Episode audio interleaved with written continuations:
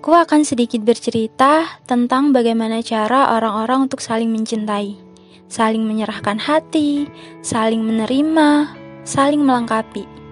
Tunggu, saling? Kalau sendiri, apa bisa disebut saling? Misalnya, kamu cinta dia, tapi dia nggak cinta kamu. Saling dari mananya kalau gitu? Orang bilang cinta kamu bertepuk sebelah tangan. Aku bilang kamu cintanya sendirian. Tapi bukan ini sih pembahasannya. Lebih dari ini. Ini tentang beberapa orang. Jangan-jangan termasuk kamu. Juga aku mungkin. Jadi ini tentang cara mencintai. Beberapa orang bisa mencintai tanpa syarat. Beberapa orang lagi sanggup mencintai tanpa jeda. Sekelompok orang di ujung lorong paling pandai mencintai tanpa diketahui. Pokoknya banyak deh caranya. Ada dia yang mencintai dengan cara memaksa, ada dia yang mencintai dengan tergesa. Ada juga yang duduk bersisian, saling mencintai, tapi saling menyimpan. Akhirnya ya, nggak pernah menjadi apa-apa. Dia menggunakan cara paling aman, tapi paling nggak efektif. Kalau ditarik ulang, cara mencintai ada banyak juga ya ternyata. Tinggal bagaimana kita memilihnya saja. Kalau aku, aku termasuk dalam circle orang-orang yang bisa mencintai tanpa memikirkan segala resikonya. Benar-benar tanpa memikirkannya.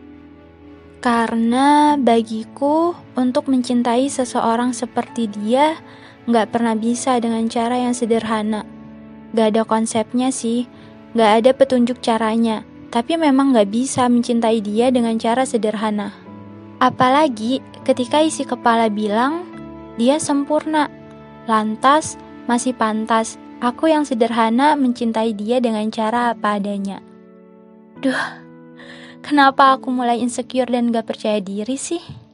Mau protes dan marah, dia gak akan peduli.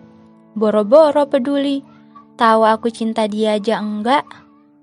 Susah ya, mencintai dengan cara gak sederhana sendirian. Atau jangan-jangan bertepuk sebelah tangan. Tapi lebih mengerikan lagi kalau misalnya aku dan dia saling mencintai hanya saja karena takut dan gengsi kita memilih untuk menyimpannya sendiri. Sehingga nggak pernah menjadi apa-apa. Padahal jika saja nekat dan memilih untuk mencintai dengan cara berani, bisa jadi sekarang aku dan dia sudah menjadi kami. Um, bisa dibilang cukup rumit ya, karena memang gak sederhana. Aku sudah bilang, aku tipikal orang yang mencintai tanpa memikirkan resikonya. Termasuk resiko ketika aku mencintai dia, tapi dia enggak. Dan memilih menautkan jarinya dengan yang lain.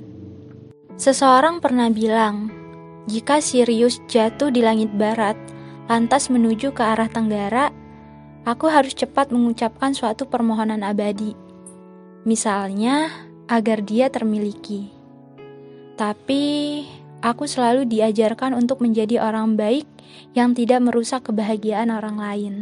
Membiarkan tangannya menyelipkan permata di tangan lain, dan aku menjadi salah satu saksi betapa dia mencintai gadisnya. Aku berbisik pada diri sendiri bahwa aku baik-baik saja.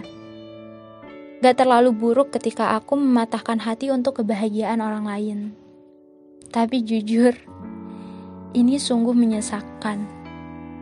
Mencintai dengan cara gak sederhana dan penuh resiko memang menyakitkan. Mau mencoba? Atau jangan-jangan kamu sudah mengalaminya?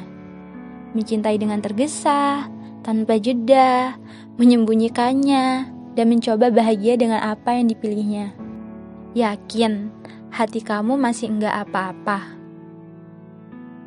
Coba deh sesekali berdiskusi dengan hati. Jangan cuma dengan kepala. Kadang logika juga perlu dilengkapi rasa. Biar nggak hambar. Kayak rasa dia ke kamu, misalnya.